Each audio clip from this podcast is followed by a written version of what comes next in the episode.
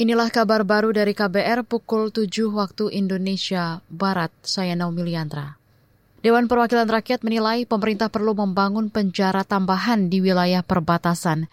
Wakil Ketua Komisi 3 DPR RI Adis Kadir mendukung permintaan tambahan anggaran yang diminta oleh Kementerian Hukum dan HAM untuk peningkatan kapasitas penjara. Kata dia penjara yang di kota saat ini sudah kelebihan kapasitas mengajukan anggaran kurang lebih 2,2 triliun. Jadi yang prioritas yang teman-teman Komisi 3 ini kan mengatasi over kapasitas di lapas. Jadi eh, sebagian besar tadi kita menghendaki agar eh, hal ini diperhatikan. Kemudian lapas-lapas yang over kapasitas yang berada di tengah kota itu sebaiknya dialokasikan ke uh, perbatasan-perbatasan. Jadi kita buatkan di sana, di sana kan tanah murah. Kalau di tengah kota ini kan mahal-mahal semua.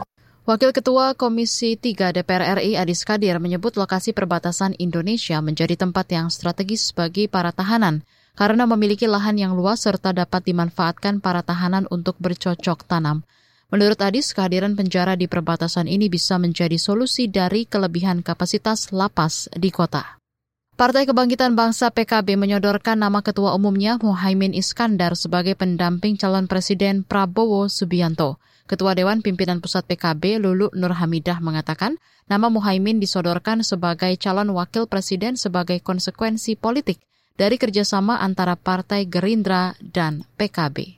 Kalau dari PKB nama yang disodorkan itu Pak Muhaimin Iskandar. Nah itu Caimin itu yang disodorkan oleh PKB dan yang menjadi ya keputusan lah dari PKB itu karena memang kan komitmennya kerjasama antara PKB dan Gerindra ya. Kemudian keputusan yang terkait dengan capres cawapres diputuskan uh, oleh Pak Prabowo dan Caimin selaku ketua umum DPP PKB lah. Dari PKB hanya mengajukan satu nama, yaitu Pak Muhammad Iskandar. Ketua Dewan Pimpinan Pusat PKB Lulu Nur Hamidah mengklaim sebagian besar kader Gerindra mendukung pencalonan Muhaimin sebagai calon wakil presiden dari Prabowo Subianto.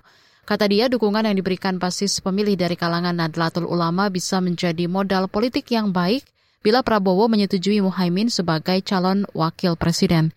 Sebelumnya sejumlah lembaga survei menunjukkan saat simulasi head-to-head atau berhadapan Prabowo mengungguli Ganjar dan Anies. Kita ke ajang olahraga ASEAN Para Games Kamboja. Indonesia semakin mantap memuncaki klasemen medali dengan capaian 99 emas.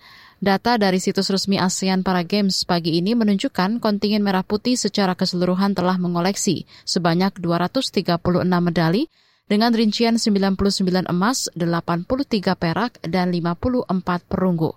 Perolehan emas yang terus bertambah untuk Indonesia berasal di antaranya dari cabang olahraga, para atletik, dan para renang. Selain itu, tim Indonesia berhasil keluar sebagai juara umum cabang olahraga judo tunanetra dengan raihan 11 medali emas dan 5 perak. Sementara itu posisi tiga besar klasemen sementara masih diisi dengan Thailand di urutan kedua dengan 77 emas, 72 perak, dan 48 perunggu, serta Vietnam di urutan ketiga yang sudah mengoleksi 36 emas, 37 perak, dan 56 perunggu. Demikian kabar baru KBR, saya Naomi Liandra undur diri.